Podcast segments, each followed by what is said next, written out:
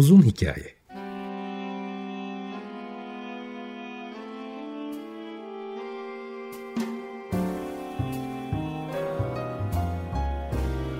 Sinir bilim, psikoloji, felsefe ve müzik.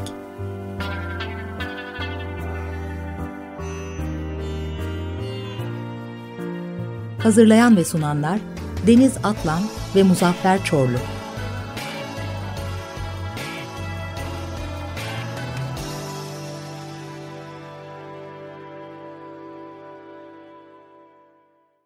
95.0 Açık Radyo'dan, Açık Radyo.com.tr ve onun uzun hikayesinden herkese iyi sabahlar, iyi pazartesi günleri diliyorum. 3 aydır yaklaşık e, yapay zekanın hemen hemen her konusuna girdik neredeyse. Psikiyatriden spora, müziğinden resme, çizgi romanından e, yaz tutmasına kadar o konuları bitirdik. 1-2 sene geçsin sonra yapay zekanın geldiği yeni yere göre tekrar o konulara gireriz. Ama bugün çok ilginç bir konum var. Ben kendisini çok ilginç buluyorum. Hem yazılarından hem de e, onun e, katıldığı programlarda dinlediğim kadarıyla konuya hakim oluşundan Konumuz bugün koku ve karşımda da e, Vedat Ozan var. Vedat Bey hoş geldiniz. Hoş bulduk efendim. Siz Açık Radyo'da daha önceden de katıldınız yanılmıyorsam değil mi? Öyle bir şey hatırlıyorum. Ben Açık Radyo'da pek çok programa katıldım. Aşağı yukarı bir 3 yılda program yaptım. Yani bir e, 154 mi? yayın yapmışlığım var koku üzerine. Ama tabii epey oluyor. Yani 2008-2009 yılları falan da bu yıllar. Evet hatırlıyorum çünkü. Şimdi Vedat Ozan ben benim e, tabii koku denince akla neler neler geliyor ama benim Vedat Ozan'ı çağırma sebebim şuydu. Onun birkaç yayınında da görünce beni çok heyecanlandırdı. Çünkü bu hangi hangi konu olursa olsun konu insanın evrimine, evrimsel psikoloji, evrimsel biyolojisine, insanın tarih içerisindeki yapılanmalarına, sosyolojik yapılanmalarına bütün birlikte e, geçirdiğimiz bu milyonlarca yılın aslında ne kadar da içteş olduğu, ne kadar birbirleriyle çok enteresan yerlerden bağlı olduğunu hesaba katarak anlatıyor bütün konuları. Çünkü e, onu hesaba katarak e, yazdığı dört tane e, kitap var. Daha doğrusu e, koku üzerine yazdığı dört ciltlik kitabı var. Bugün kokudan bahsedeceğiz ama tabii koku deyince insanların e, birlikte olmasından, e, lezzetlerini e, belirlemesinden, e, endüstri devrine giden yolda hatta benim yaşadığım Belçika, Flaman bölgesi ve Hollanda'nın bu dilde Houden EU dediğimiz dediğimiz altın çağını aslında kokuyla nasıl ilişkilendireceğimizi de gene Vedat Ozan'la konuşacağız. Şimdi şöyle başlayalım çok kısaca çünkü e, sizi Tabii. tanıyanlar zaten tanıyordur ama çok kısaca elbette bakıldığı zaman hani Mezopotamya'da, Antik Çin'de, Antik e, Mısır'da, Roma İmparatorluğu'nda e, kokuların kullanıldığı hatta parfüm olarak kullanıldığını çok iyi doküment ettikleri için biliyoruz. Fakat ben önce şöyle e, başlayayım ya da sonuyu, konuyu sonra da oraya getirebiliriz. Aslında evrimsel psikoloji bize e, insanların sadece insanların değil e, canlıların koku duyusu olan e, canlıların hayatta kalmasında çok sıklıkla kullandıkları ve dolayısıyla da beynimizde işte olfaktörü bölgesinin yani kokuyla ilişkili olan bölgenin çok gelişkin olduğunu gösteriyor. Eş seçiminden tutun da yediğimiz yiyeceğin ya da yiyeceğimiz e, herhangi bir yemişin zehirli olup olmadığına karar vererek bizi hayatta tutan çok önemli bir fonksiyona sahip olan bir duyudan bahsediyoruz. Dilerseniz öyle başlayalım. Öncelikle insanın hayatta kalmasındaki yolculuğu içerisinde kokuyu nereye, nasıl yerleştirelim? Koku bizim beş temel duyumuzdan bir tanesi. Aslında tabii beşten fazla sayıda duyudan bahsediliyor ama yani en genel mutabakat ve sokakta en bilindik haliyle beş temel duyu üzerinden giderek söylersem beş temel duyumuzdan bir tanesi. Bu beş temel duyumuzdan üç tanesi fiziksel duyular, iki tanesi de kimyasal duyular.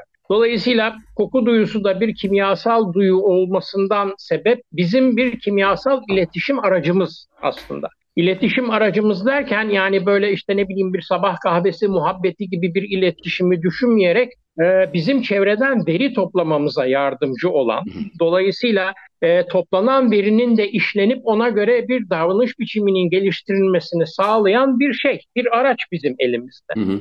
E, bu anlamda baktığımızda zaten hala işler olması bizim için yaşamsal öneminin devam ettiğini de gösteriyor. Ben genellikle koku duyusunu e, çok kaba bir şekilde ikiye ayırıyorum. Yani bizim e, bir pedal olduğumuz andan sonrası ve bir pedal olduğumuz andan öncesi. Çünkü bizim her deneyimimiz bir çoklu duyu deneyimi. Yani hiçbir zaman tek bir duyuyla biz bir şey, bir deneyim yaşamıyoruz. Bir sürü duyuya gelen uyarıyı beraber değerlendiriyoruz. E, beyin de çok iyi bir editör gibi düşünebiliriz. Yani size söylemem bunu tabii çok şey, abes kusura bakmayın ama yani gelen mesajları çok iyi değerlendiren bir editör hepsini birleştiriyor gibi diyebiliriz ve deneyimlerin içinde bazen e, bizim ismen doğru olarak telaffuz etmesek de farkında olmadığımız bir takım duyular başrole çıkıyor, diğer duyular da yardımcı rollerde kalabiliyorlar diye basit bir şekilde izah edebilirim. E, işte o iki ayak üzerine kalkılmadan önceki dönemde koku duyusunun başrolde olduğu deneyim sayısı e, iki ayak üzerine kalkıldıktan sonra çok ciddi bir şekilde azalıyor.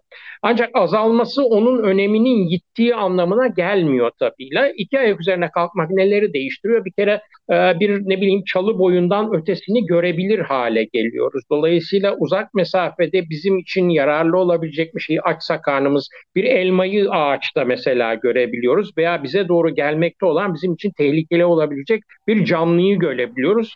E, bu da bizi yani günlük hayat deneyimleri içinde görme duyusunun daha çok başrol çaldığı bir döneme getiriyor. Ancak bunun öncesinde yani e, dört ayak üzerindeyken bizim dışımızdaki pek çok diğer canlıda olduğu gibi dört ayak üzerinde hayatımızı sürdürürken e, bu iletilerin pek çoğunu biz e, burnumuzla almak durumunda kalıyoruz. Yani yiyeceğin yerini koklayarak buluyoruz. Tehlike bize yaklaşıyor ama o tehlikenin bize yaklaştığını e, gene kokusundan bir sinyal alarak buluyoruz. Çünkü gözlerimiz e, bu mesajı bize vermeye yetkin bir şey değil, bir e, duyuya ait değiller. Tabii burada şunun da altını çizmek lazım. E, yön belirleme açısından ki yön belirleme sebeplerimiz demin dediğim gibi farklı olabilir. Bir yere ulaşmak istiyor olabiliriz veya bir yerden uzaklaşmak istiyor olabiliriz. Yön belirlememiz açısından burada burnumuzun iki delikli olmasının da tabii çok önemi var. Çünkü hangi deliğe daha yakın, daha güçlü bir sinyal geliyorsa e, uyarı kaynağının o tarafta olduğunu anlıyoruz. Sonuçta koku bizim için bir temsil. E, yani maddenin varlığını temsil eden bir mesaj. Yani biz ortamda bir ne bileyim e, saman kokusu duyuyorsak saman olduğu için biz saman kokusunu duyuyoruz veya bir dışkı kokusu duyuyorsak veya terli bir hayvanın kokusunu duyuyorsak onlar var oldukları için o kimyasal mesajı alarak biz bunun hakkında bilgi sahibi oluyoruz. İki ayak üzerine kalktığımız andan itibaren de bir önemsizleşme yaşanıyor aslında e, şeyde e, koku duyusunda. E, çok yakın zamana kadar üzerine hiçbir şekilde bir ciddi eğilme olmadığı yani işte elle tutulmaz, gözle görülmez, olsa da olur, olmasa da olur. Ee, zaten bizim dışımızdaki hayvanlar koklaşarak çiftleşiyorlar vesaire. Biz artık konuşuyoruz, kültürümüzü geliştirdik. Ne gerek var buna gibi yaklaşılan bir duyuydu. Ee, 1930'lar ilk defa ciddi araştırmaların yapılmaya başladığı zamanlar ki yani binlerce yıllık bir insanlık tarihini düşündüğümüzde çok komik geliyor yani bu tabii.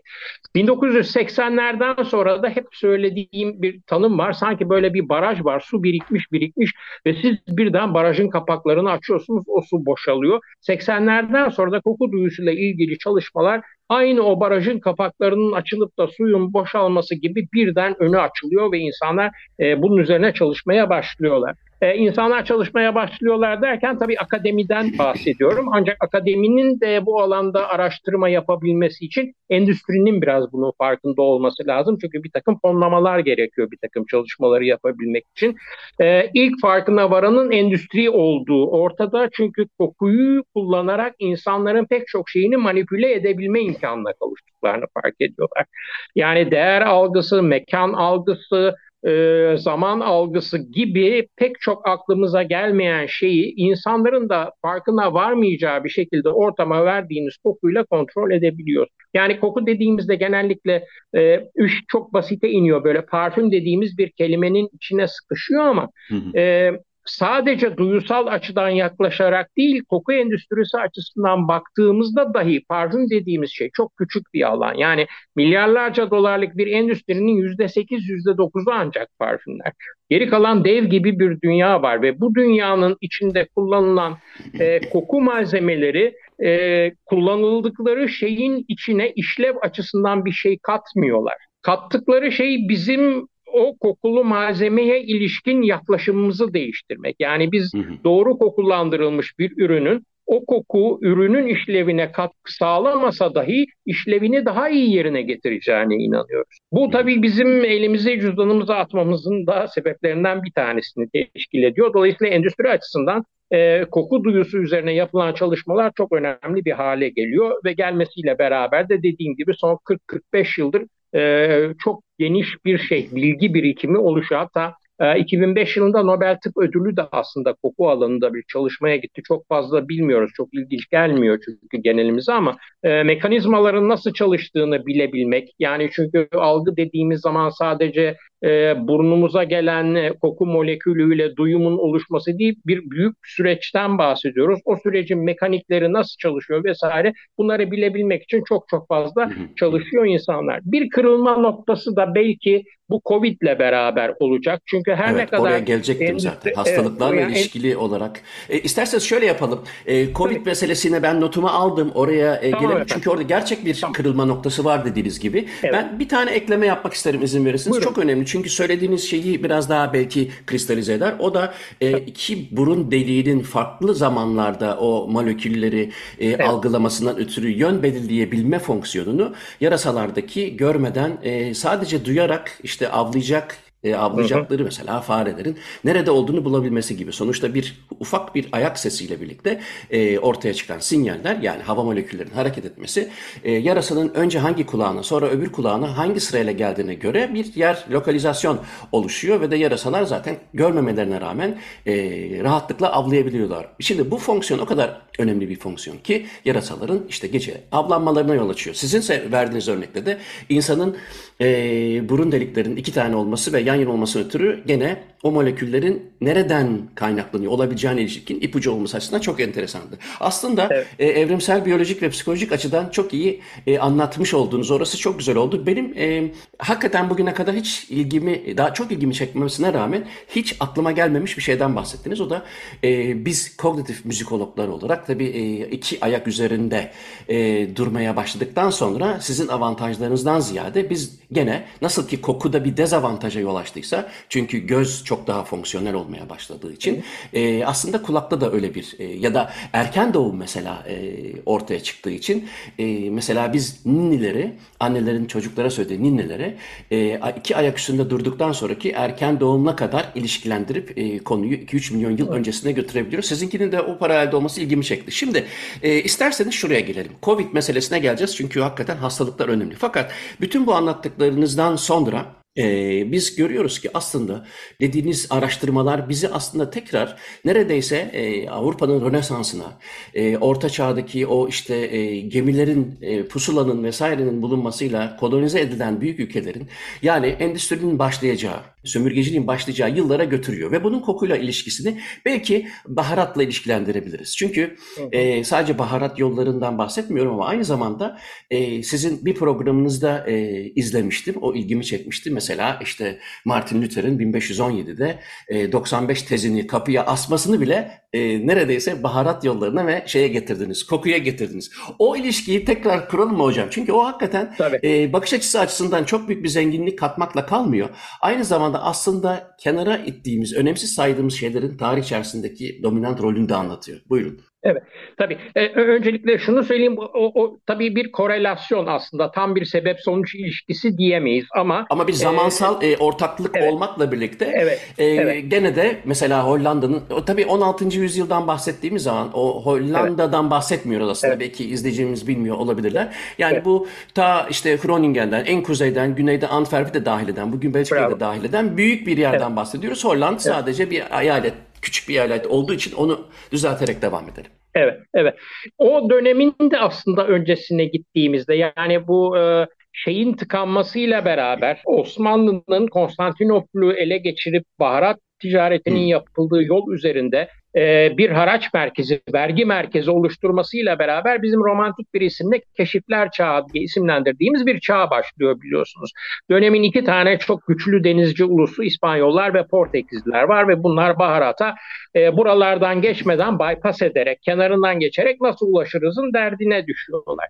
Fakat bunun derdine düşmeleriyle beraber e, hiçbir zaman da birbirleriyle barışık değiller aslında. Birbirleriyle de devamlı hırlaşıyorlar. Bu da tabii e, hem ticareti riskli hale getiriyor hem kazancı riskli hale getiriyor. Dolayısıyla e, bir anlaşma yapalım da artık kim ne tarafa gidecek, kimin hükümranlık alanı neresidir gibi bir durum bir duruma geliniyor. Fakat bu duruma gelinmesine rağmen hem Portekizler hem İspanyollar da kendilerini dünyanın merkezinde gördükleri için e, bu konuda adım atacak bir halleri yok. İkisinin de sözüne itibar ettikleri bir otoritenin bir şey söylemesi lazım. Buradaki ikisinin de sözüne itibar ettikleri otorite papalık müessesesi dediğimiz müessese. Ve e, yanılmıyorsam 6. Alexander'dı. Papa da buna uygun bir şey çıkartıyor. Tordesillas anlaşması dediğimiz bir anlaşmayla beraber dünyayı böyle e, şeyle bıçakla böler gibi hani o şey Orta Doğu haritasını İngilizler cetvelle çizgilere benzer bir espri içinde e, bir kısmını dünyanın işte doğuda kalan toprak, doğuda kalan ve Hristiyan olmayan topraklar, Portekizlilerin e, o çizginin batısında kalanlar da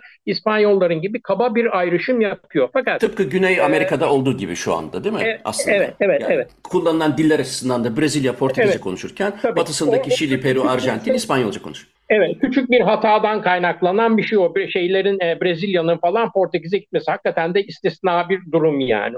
Fakat İspanyollarla Portekizler arasında dünyayı paylaştığınızda e, arada kalan diğer denizci şeylerin de e, ulusların da bu sefer e, pastasından pay almasının önüne geçmiş oluyorsunuz ki bunlar Baltık ülkeleri, e, işte Hollanda, Almanya gibi ülkeler. Bunlar denize kıyıları var, e, ticaret yapabiliyorlar. Hatta bu bölgenin ticaretinin o, e, yapabilmek için oluşturulmuş Hansa Birliği diye bir birlik var daha önceden de. E, bizim Lufthansa hava yolları da oradan geliyor aslında. Yani Hansa'nın havası gibi. E, dolayısıyla bunlar da yetkin insanlar aslında ve kendi içlerinde de zengin ülkeler. Çünkü tarım çok iyi besleniyor. E, şeyi çok iyi oturtmuşlar. Finansman e, araçlarını çok iyi oturtmuşlar. E, kırsal bölümler kentleri besliyor. Kentler para olarak kırsal bölümlerin yatırımlarını besliyor vesaire. Fakat bu insanları siz şeyin dışında bıraktığınız zaman, pastanın dışında bıraktığınız zaman tabii onlar da bir şekilde tepki göstermek durumunda kalıyorlar ve biz de o zaman bu işi yapabiliriz diyorlar ve kendileri ticarete girişiyorlar. Fakat ticarete girişmeden önce şunu görüyoruz ki pastanın dışında bırakılmalarından yaklaşık 20 yıl sonra da protestanlık diye bizim burada isimlendirdiğimiz e, inanç sistemin içinde bir reform iddiasında olan şey içinde de satır arasında da Papa'nın otoritesini reddeden yani sen beni bu pastadan dışladın ben de seni tanımıyorum kardeşim durumuna getiren e, protestanlık dediğimiz akımın çıktığını ortaya görüyoruz. İşte Wuppertal Kilisesi'nin kapısına o şey meşhur tezlerini e, Martin Luther'in çakmasıyla beraber. Yani iki alanda birden bir baş kaldırı görüyoruz burada. Bir inanç sistemleri ve kültür alanında, diğeri de bir ticaret alanında bir baş kaldırı görüyoruz. Çünkü İspanyollar ve Portekizler sadece neredeyse dünyanın baharatını tek kontrol eden ülke o vaziyetindeyken e, birden yeni yeni rakipler çıkmaya başlıyor ki bunların içinde en güçlüsü sizin dediğiniz gibi bizim Hollanda diye telaffuz ettiğimiz yerden çıkıyor ortaya. Biz genellikle Türkiye'de hep bu eyaletin ismiyle ülkeyi isimlendiriyoruz. Bu da çok ilginç geliyor. Türkiye'ye Marmara bölgesi demek falanına benzer bir şey oluyor tabii ama e, Nederland herhalde değil mi doğrusu aslında alçak ülkeler dememiz lazım. Yani Netherlands e, evet. Hollandaca Nederland Hollanda diye çevriliyor ama aslında evet, evet dediğiniz öyle. gibi e, aslında evet. o dönem için o 7 e, aslında birliği evet bravo. Sanıyorum 7 tane eyaletin cumhuriyeti ile altın çağlarında 17. yüzyılda zaten ismi o. 7 eyalet cumhuriyeti. Onlardan bir tanesi evet. de Hollanda. Evet Hollanda en, en güçlüsü. Zaten e, hani konu oraya gelirse belki konuşacağız. E, dev bir şirket kuracaklar ve o şirketin de en büyük ortağı Hollanda dediğimiz eyalet. Ki Hollanda iki eyalet aslında ya iki parçalı bir eyalet. E, o iki eyaletten yatırımcılar olacak. Tabii bu çok şeyi değiştiriyor. Şimdi bu anlattıklarımız kokuyla ilgisizmiş gibi gelebilir. Yani işte baharat ticareti neden bir kokuyla ilgili olsun? Fakat şunu düşünmek lazım. Yediğiniz karanfil veya karabiber herhangi birisini burnu tıkalı olarak yediğinizde hafif bir dil yanmasının dışında herhangi bir şey alamıyor. E, ayırt edici özellikleri kayboluyor. Hangisi karanfil, hangisi tarçın, hangisi biber söyleyemez hale geliyor. Bu da bizi başka bir yere getiriyor. Koku duyusu aslında bizim beslenmemizde tanımlayıcı özelliği atfeden duyu. Biz bugün hep tat kelimesini kullanıyoruz. Biz derken sadece Türkçeyi kastetmiyorum. Bütün evet, Batı dillerinde tat kelimesinin bir, evet şeyi var. Evet taste deniyor. İşte ne bileyim ben bu deniyor, geçmak deniyor vesaire. Bütün Batı dillerinde tat duyusunun bir hakimiyeti var. Fakat tat duyusu tanımlama yapma imkanı verebilecek bir duyu değil önemsiz demiyorum. Çok önemli bir duyu fakat beş tane temel kulvarın içinde çalışabiliyor sadece. Tatlı, tuzlu, acı, ekşi, umami. Bunun dışında herhangi bir bilgi alamıyoruz biz. E, acılık, tatlılık, ekşilik de bize portakal, şeftali gibi bilgileri taşıyamıyor. Dolayısıyla onun dışında bir alana ihtiyacımız var.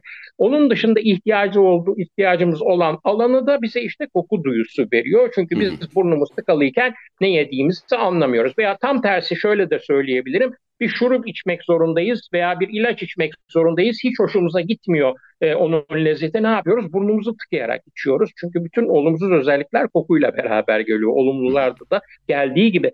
Bakın bu da ilk başta söylediğimize ilişkin bir şey aslında. Çünkü e, koku duyusu çift kanallı çalışan tek duyu. Yani hem burunla ortonazal olarak dışarıdan alıyoruz hem damak üzerinden retronazal olarak koku alıyoruz. Retronazal kelimesinin ilk kullanımı bir hakemli dergide 1984 yılında çıkıyor ortaya. Yani binlerce yıldır biz bir işi yapıyoruz. 84'te ancak onu isimlendirmeyi akıl edebilmişiz. Akademi bunu ancak o zaman yapabilmiş. Ee, şeyi görüyorsunuz tarihine baktığınızda yani 1600'den beri bilim insanları kıvranıyorlar. Yani ben burnum tıkalıyken tat alamıyorum ama aynı zamanda tat alıyorum da falan yani kültürel bir karmaşa var. Lisan oturmuyor bir türlü yerde. Hmm. Ki e, kimyasal duyularda büyük bir lisan problemi yaşıyoruz. Hele koku duyusunda bir lisanımız yok zaten bizim. Geç çalışmaların başlamasının bir sebebi de aşağı yukarı bu sayılabilir zaten. Kendine ait bir e, lugatı olmayan, bir dili olmayan tek duyu koku duyusu. Çünkü siz daha iyi biliyorsunuz. Yani lisan işleme merkezimizle arada bir mesafe var. İnsanın hayatına girdiği dönemler arasında büyük bir fark var. E, dolayısıyla bizim hayatımızda kokuya dair hiçbir kelime yok. Biz mesela müzik alanında e, bir tadı değiştirmek için çeşitli müzik deneyleri, çeşitli seslerle deneyler yaptığımızda şey görüyoruz. Gerçekten o zaman öğrenmiştim ben de e, ortonazal ve retronazal e, reseptörlerin varlığını öğrenince örneğin işte çeşitli içeceklerle, çeşitli yiyeceklerde bu peynir olur, kahve olur, bira olur, çikolata olur, kakao olabilir. Tadlarını değiştirmeye yönelik sesler kullandığımızda aslında beynin sinestek nasıl çalıştığını görmek açısından hani hangi ses aslında neden e, mesela %70 kakaolu bir çikolatayı domine edip örneğin bir keman psikatosu e, uzmanların bunu daha e, sert, daha işte %75, %80 gördüğünü gösteriyor. Ya da işte bunlar benim YouTube kanalımda var. Anlatmıştım çünkü tekrar söylemeyeyim ama aynı şekilde kahve makinesinin çıkarttığı öğütme sesinin ne kadar pes ise o kadar iyi kahve yapacağını olan inanç da sesle tat arasındaki ilişkiyi gösteriyor. Bu konulara da gireriz ama isterseniz ben e, ilk müzik arasını vereyim. Şeyden seçtim. E, Patrick Süskind'in filmi biliyorsunuz e, Das Parfüm'ün e, soundtracklerinden ilkini dinleyelim sonra devam ederiz. Patrick Süskind'in kitabından uyarlanan filmin soundtrack'inden birincisini dinledik. Bugün e, konuğum Vedat Ozan ilk bölümde hem evrimsel biyolojik, psikolojik hem de e, fizyolojik sebeplerle kokuyu e, aslında hem birazcık tarihine hem de işte Orta Çağ'dan sonra özellikle 17. yüzyılda e, Hollanda'nın hatta reform hareketlerinin nasıl belki de ilişkilendirilebileceğini konuştuk. Şimdi bu bölümde biraz sanata da girelim. Mesela Patrick Süskind'in kitabı e, çok büyük bir yankı yarattı biliyorsunuz. Hatta filmi de e, hiç fena e, bir e, etki yaratmadı buna paralel olarak. Fakat bu film meselelerine gelebiliriz. Çok kokuyu ilgilendiren, kokuyu konu almış, merkez edilmiş çok film var ama herhalde Das Parfüm kitabı e, belki de çok büyük bir kırılma yarattı. Fakat ondan önce gene Hollanda'ya gideceğim ben. Çok kendi olduğum yeri Flaman şeylerin reklamı yapıyormuş gibi olmasın ama şimdi Rubens'e ve Breukel'e baktığımız zaman önemli Flaman Rönesans ressamlarında aslında The Sense of Smell adıyla bile yaptıkları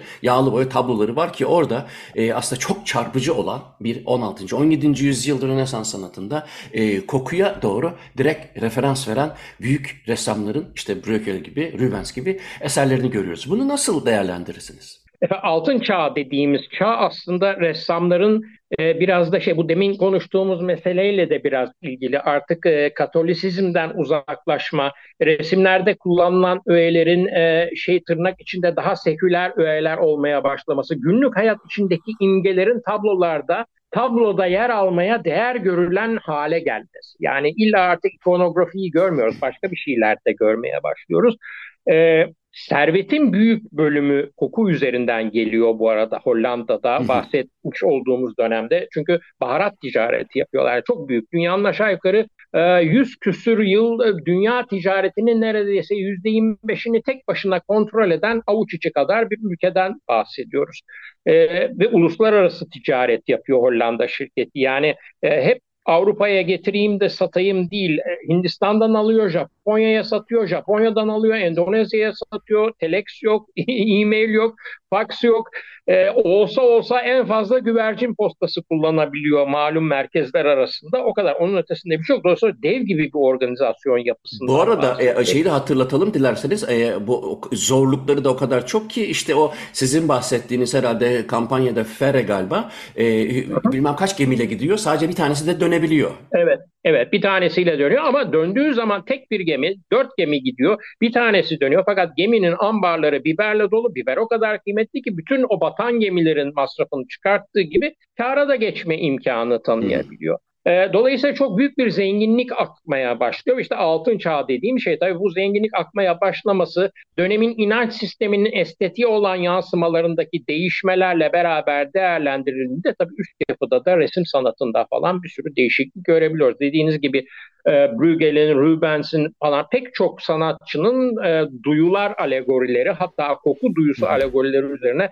çalıştığını görürüz. İsmen böyle koymasalar dahi kokulu objelerin mesela içeride yer aldığını görüyoruz. Artık tablolarda meyveler yer alıyor veya süt döken kadın görüyoruz, tereyağı görüyoruz. Mesela bu, Hatta koklayan insan figürleri e, Bravo, görüyoruz. Koklayan insan figürleri. Bunlar daha öncesinde olmayan şeyler tabii. Burada bir hafif tabii şey de var. Yani ikonografiden uzaklaşmakla beraber hafif de bir basitleşme de, bir minimalizme doğru da gidiyor tablolar. Çok resim üzerine konuşmak istemiyorum. Çok alanım değil ama benim yani bir sokaktan bir insan olarak görebildiğim daha sokaktaki insanın anlayabileceği resimlere doğru bir yönelim başlıyor tabii. E, bunun sebebi işte bu büyük dev e, Birleşik e, Doğu Hindistan şirketi dediğimiz Hollanda şirketi, FOG dediğimiz şirketin e, ülkeye aktarmış olduğu servetten oluyor tabii. O şirket serveti nereden kazanıyor? O şirket serveti muskat cevizinden kazanıyor, karanfilden kazanıyor, biberden kazanıyor, tarçından kazanıyor. O dönemde iki tane büyük e, böyle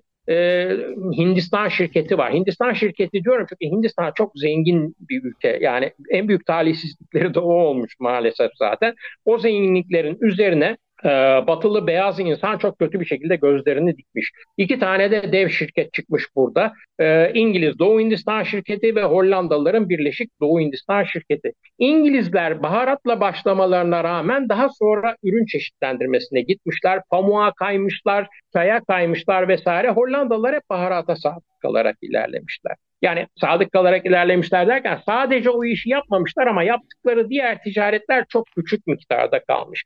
Bu o dönem için çok büyük bir zenginliğin sebebi olmuş. Aynı zamanda da şirketin ticari hayatının sonlanmasını da hazırlayan durumlardan bir tanesini oluşturmuş tabii. Çünkü e, çeşitli kollarda ticaret yaptığınız zaman tabii riski minimize etmiş oluyorsunuz. Şey açısından baktığımızda duyunun dışına çıkıp ekonomi açısından baktığımızda Hollanda Birleşik Doğu Hindistan şirketinin bir başka önemi de var ki o da şu ilk defa bir anonim şirketin çıktığını görüyoruz ortaya. Yani ilk defa e, paraları ortaya koyalım, şu kemiği donatalım, gitsin, gelsin, malları satsın, hepimiz payımızı alalım, geri çekilelim değil. Biz bu şirketin ortağı olalım. Yani biz e, 20 sene, 25 sene boyunca bu şirket ticaret yaptık da biz bundan kar payı edinelim. Benim bir gemiye yatırdığım para o gemi batarsa büyük bir risk alacak. Fakat ben 100 tane geminin ortağı olarak daha az kazanca razı oluyorum fakat riskimi de bununla beraber azaltmış oluyorum diye bir anonim şirket kavramı çıkıyor. Bir de ortak olarak sorumlu olmuyorsunuz. Tüzel kişilik diye bir kavram çıkartıyorsunuz beraberinde ortaya. E, dolayısıyla e, anonim şirket diye bir kavram çıkıyor. Şirket kurulduktan yaklaşık bir 6 yıl sonra merkez bankalarının öncülü diyebileceğimiz ilk kurum çıkıyor ortaya. Artı borsa dediğimiz kurum çıkıyor ortaya. Şimdi bu üçü çok önemli. Yani anonim şirket, e, Merkez Bankası ve borsa para ve sermaye piyasalarına dair bir düzenlemeyi getiriyorsunuz. Hemen ardından üzerine de endüstri devrimini oturttuğunuzda işte bugün içinde yaşadığımız ekonomik ve sosyal sistem, kapitalizm dediğimiz yere geliyoruz. Bunlar olmasa sadece sanayi devrimiyle buraya gelebilmenin imkanı yok tabiatına. Bu açıdan bir duyusal yaklaşımın ötesinde yani koku, yap, ticaretini yaptıkları malzemelerin kokulu malzemeler olmasının dışında bu açıdan da çok büyük bir önemi var şeyin e, Hollanda Birleşik Doğu Hindistan şirketinin. Ben dağıttım konuyu bayağı galiba. Yok yok hayır hayır. e, hiç konu zaten e, kompakt bir konu olamayacak evet. kadar geniş. O yüzden e, gene toparlarız. Ben şurayı konuyu e, hani Brökel ve Rübensen almıştık. Siz de e, haliyle tabii e, insanların e, aslında hadi tırnak içinde din dışı öğelere olan yönelmesi belki bunu e, reformistlerin de katkısıyla diyelim. Çünkü sonuçta e, papalığa bir yerde ticari sebeplerle de ya da ahlaki sebeplerle de hayır demek isteyen bir Kuzey Avrupa'yı görüyoruz. Fakat e, oradan şeye gelelim gene e, bağlı çünkü her çağın kendi çılgınlığı, deliliği var. Hani 18. yüzyılda Viyana'daki Türk modası gibi böyle hiç beklenmedik ama aslında 200-300 yıl geriye dayanan, tarihe dayanan sebeplerle bir delilik var. Ya da Hollanda'nın işte 19. yüzyıldaki lale çılgınlığında e, bir özel bir lalenin bugün şu anda Amsterdam'da e, nehir kenarında bir ev alacak kadar pahalı olabilmesi gibi ya da mesela işte hangi kokudur o e, ayva tatlısının içine de atılır? Karanfildir değil mi? Karanfil e, karanfilin kilosuyla neredeyse altının kilosunun aşağı yukarı aynı olduğu yıllardan Tabii. bahsediyoruz. Şimdi Daha bu, bile fazla olduğu dönem var yani. Gibi. Yani ama bu bir so- evet. sonuçta buradan bakıldığında bir çılgınlık. Yani bu yüzyıldan bakıldığında evet. bir çılgınlık. Fakat geriye gittiğimiz zaman çılgınlık olmadığı gibi realitenin ta kendisi hatta aslında e, saklanma koşulları tuzun dünya tarihindeki önemini yatsıyamayız. E, e ayakta kalmamızın e, sebeplerinden de bir tanesi çünkü yiyecekleri korumamıza yol açıyordu. Fakat onun gibi biraz daha e, sofistike olduğu zaman insanın teknolojisi 16. yüzyılda olduğu gibi biraz daha lükse gidebiliyor. Fakat bu sefer başka yerler,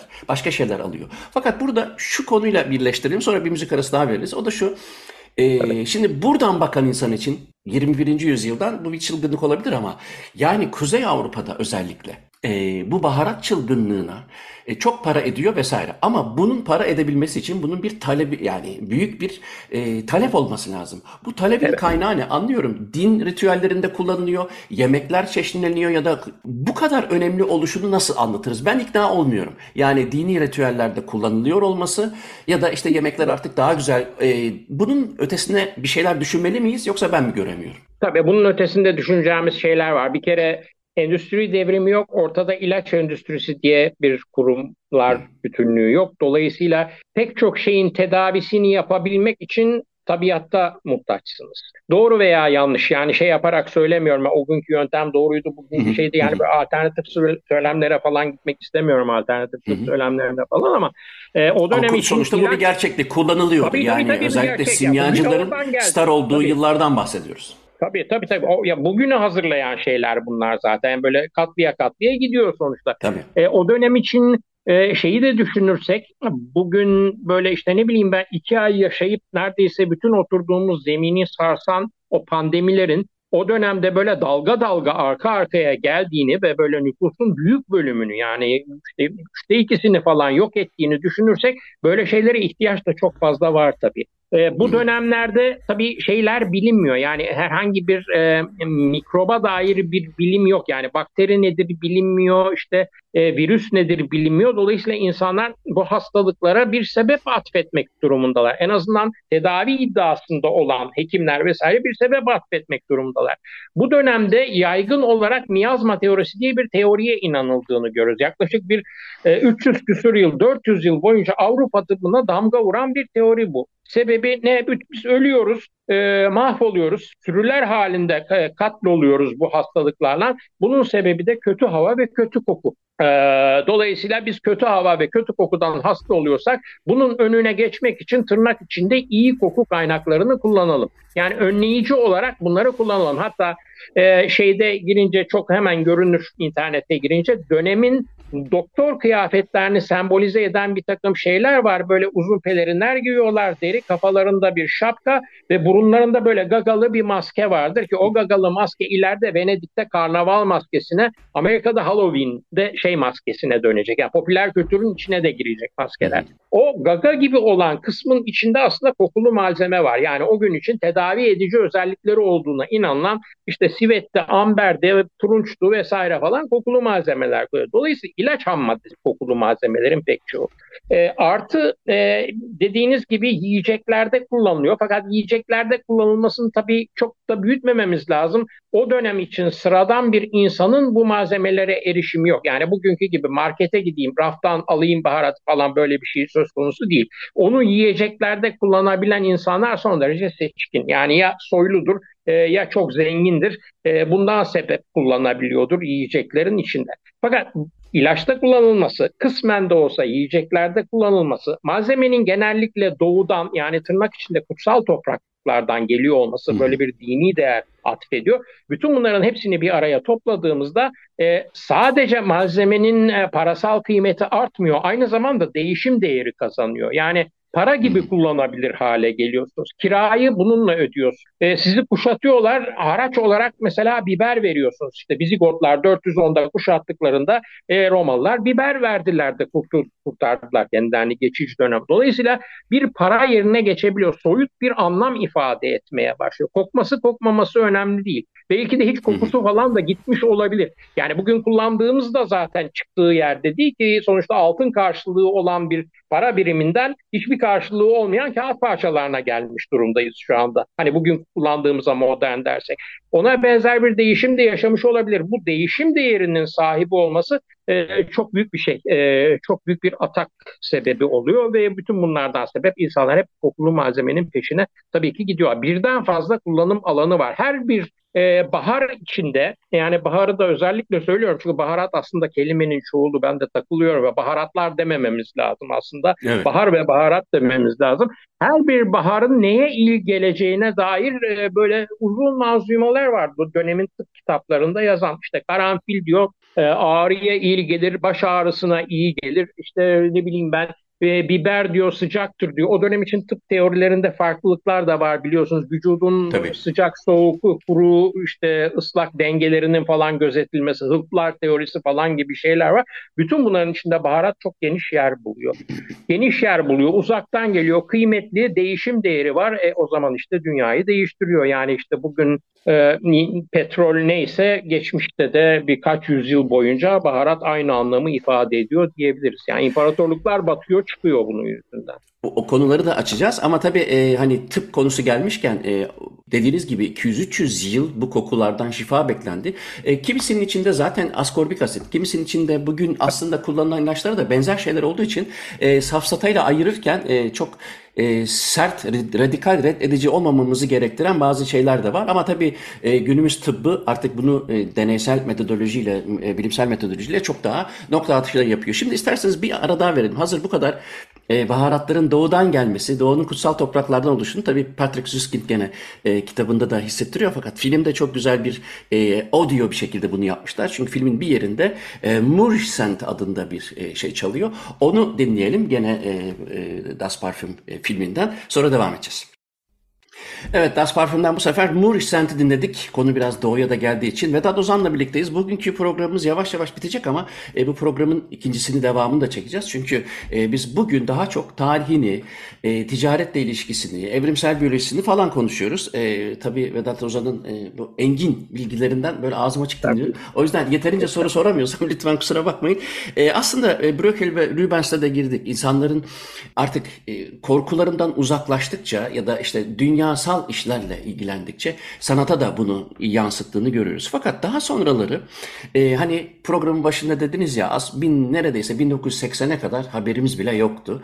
E, fakat tekrar gündeme gelmesinden e, sebep aslında birdenbire e, bu koku işlerini bu geçtiğimiz e, 4 yılda neredeyse damgasını vuran, belki son yıla belki değil ama e, pandemi. Aslında siz biraz önce e, o şu meşhur Venedik'te karnavalda kullanılan maskeler aslında e, 16. 17. yüzyıldaki vebada çıktı ama 1347'deki vebada da e, kokulardan e, hatta e, Jilyak ki o dönemin Avignon'daki papanın da veba olmasından ötürü kokulardan ve hijyenden yararlanarak onu iyileştirmeye çalışıyordu. Gerçekten de büyük pandemilerde ki dediğiniz gibi hani Avrupa'nın belki de üçte ikisini yok etmiş 1347 vebası var. Sonra hatta Konstantinopol istedi mi Justinian vebası olarak bilinen veba var. 17. yüzyıl vebası var. Londra vebası var.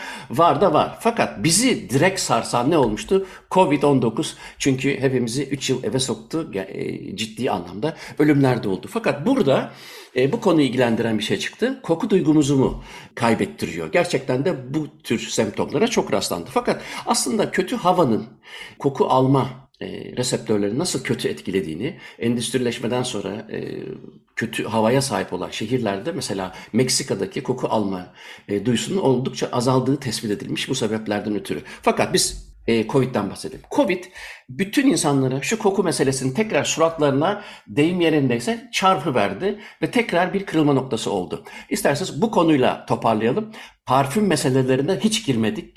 Kokunun kötüye kullanılmasına hiç girmedik. Yiyeceklerimizle oynanıp bizim aslında sağlıksız olmamıza yol açacak kokuların kullanılmasına hiç girmedik. Fakat bunlar ikinci bölüme, e, programın ikinci bölümüne e, kalsın. Biz Covid'de devam edelim. Covid e, ne yaptı? Covid insanları anozmik hale getirdi. Yani osmos koku demek Yunanca. A'da evet. yokluk eki. Dolayısıyla araya da neyi koyuyoruz iki seslerde? Anozmia dediğimiz bir durum var. Ee, şimdi anozmik kelimesi çok bilinen bir kelime haline geldi. Emin olun 5 yıl önce ben insanlara anozmik kelimesinin ne olduğunu anlatmak durumunda kalıyordum. Şimdi herkes biliyor anozminin ne olduğunu e, koku duyusunun gitmesiyle beraber e, tabii insanlar şeyden de şikayet etmeye başladılar. Koku gitti, tat da gitti demeye başladılar.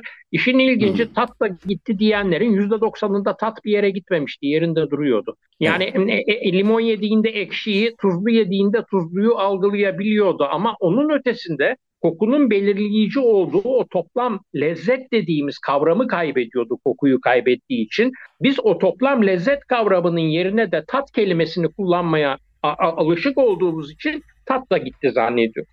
Tadın gitmesi çok çok az rastlanan bir şey. Agusya denilen bir başka durum tabii o da.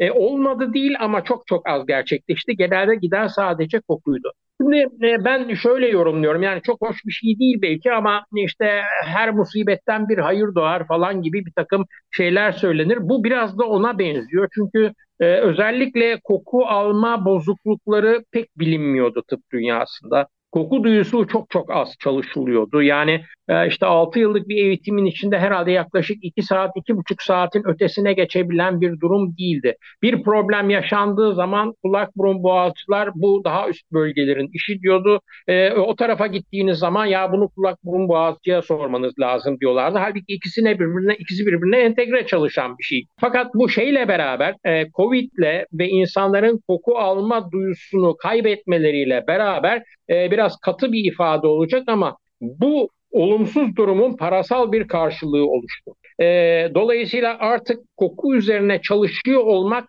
bir insana şey sağlayabilir. Yani maddi imkan da sağlayabilir. Bu da ne demek? İlk başta söyle 80'lerde e, endüstri fonlamıştı demiştim laboratuvarları.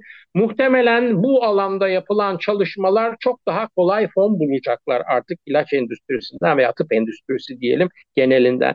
E, bu anlamda da işte o dönemde hayatını kaybedenlerin ileriye bıraktıkları olumlu bir şey işte bir bir hayır diyebileceğim şey de herhalde bu olacak. Çünkü muhtemelen bir 20 yıl sonra bundan 20 yıl önce koku alma duyusunu kaybeden birisinin yaşadığı dertleri yaşamayacak 20 yıl sonra aynı problemi yaşayan bir insan. Herhalde yavaş yavaş çözülecek. Tabii e, burundan ziyade daha çok şey beyin burada önemli. Çünkü bütün olay ya burun sadece duyumsama organı. Hatta iki delik olduğunu düşünürseniz organları demek lazım. Çünkü iki gözde diyoruz, iki kulak diyoruz, iki burun deliği demiyoruz aslında onu da dememiz lazım. Sadece duyumsamanın gerçekleştiği alan işte koku dediğimiz e, o uçucu moleküller, organik moleküller geliyorlar, reseptörlerle buluşuyorlar. Oradan sonra artık bunun yapabileceği bir şey kalmıyor da. E, zaten damaktan gelende de burunun yapabileceği bir şey yok. Dolayısıyla koskoca bir beyin coğrafyasıyla karşı karşıya konuluyor. Orada ne problemler oluyor? E, o problemler nasıl çözülecek? Herhalde önümüzdeki dönemde bunlara şahit olacağız. Çünkü tek yaşadığımız problem koku alamama değil. E, normalde A gibi kokan kokuyu B gibi alabilme halleri de yaşıyoruz. Yani parozmia dediğimiz şey de çıkıyor. Bu kötü olduğu zaman kakozmia ismi veriliyor. Olmayan bir kokuyu varmış gibi algılayabilme hali çıkıyor. Bazen amputasyondan falan sonra hayalet bacak sendromu falan denilen şey vardı. Burada da fantozmia dediğimiz hayalet koku şeyleri çıkıyor ortaya. Dolayısıyla bir duyu bu. Yani bütün duyularda olduğu gibi burada da bir sürü problemli alan oluşabiliyor ve bu problemli alanlar insanların yaşam kalitesini düşürebiliyor. Bunların bir şekilde çözülmesi lazım. Bu çözülme isteği ve arzusu karşısında bir de kar doğurabiliyorsa herhalde bu alandaki çalışmalar biraz daha artacaktır diye bir ümidim var. Yani Covid olumsuz bir şeydi. İnşallah ileride müspet bir şeyin sebebi olmuş olur. Aslında Ramachandran'ın kitabı The Phantom of the Brain'de e, işte bu e, fantaz ya daha doğrusu fantazma organları ampute olmuş olmasına rağmen onu hissetmeyi çok güzel anlatır. E, ama koku konusuna e, girmemiş. Bunu da keşke aslında ele alsaymış. Şimdi e, bir sonraki bölüm için ben şöyle bir hani kısa hatırlatma yapayım.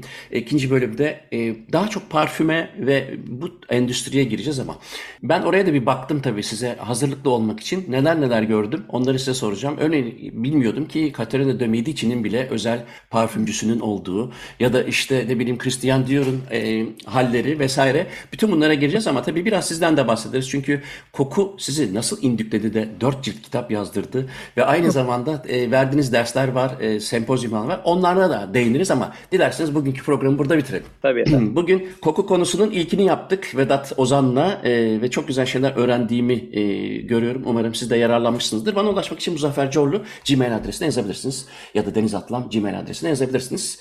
Spotify'a koyacak Açık Radyo programı. Ben de görüntü olarak YouTube kanalıma koyacağım. Haftaya görüşürüz. Hepinize günaydın.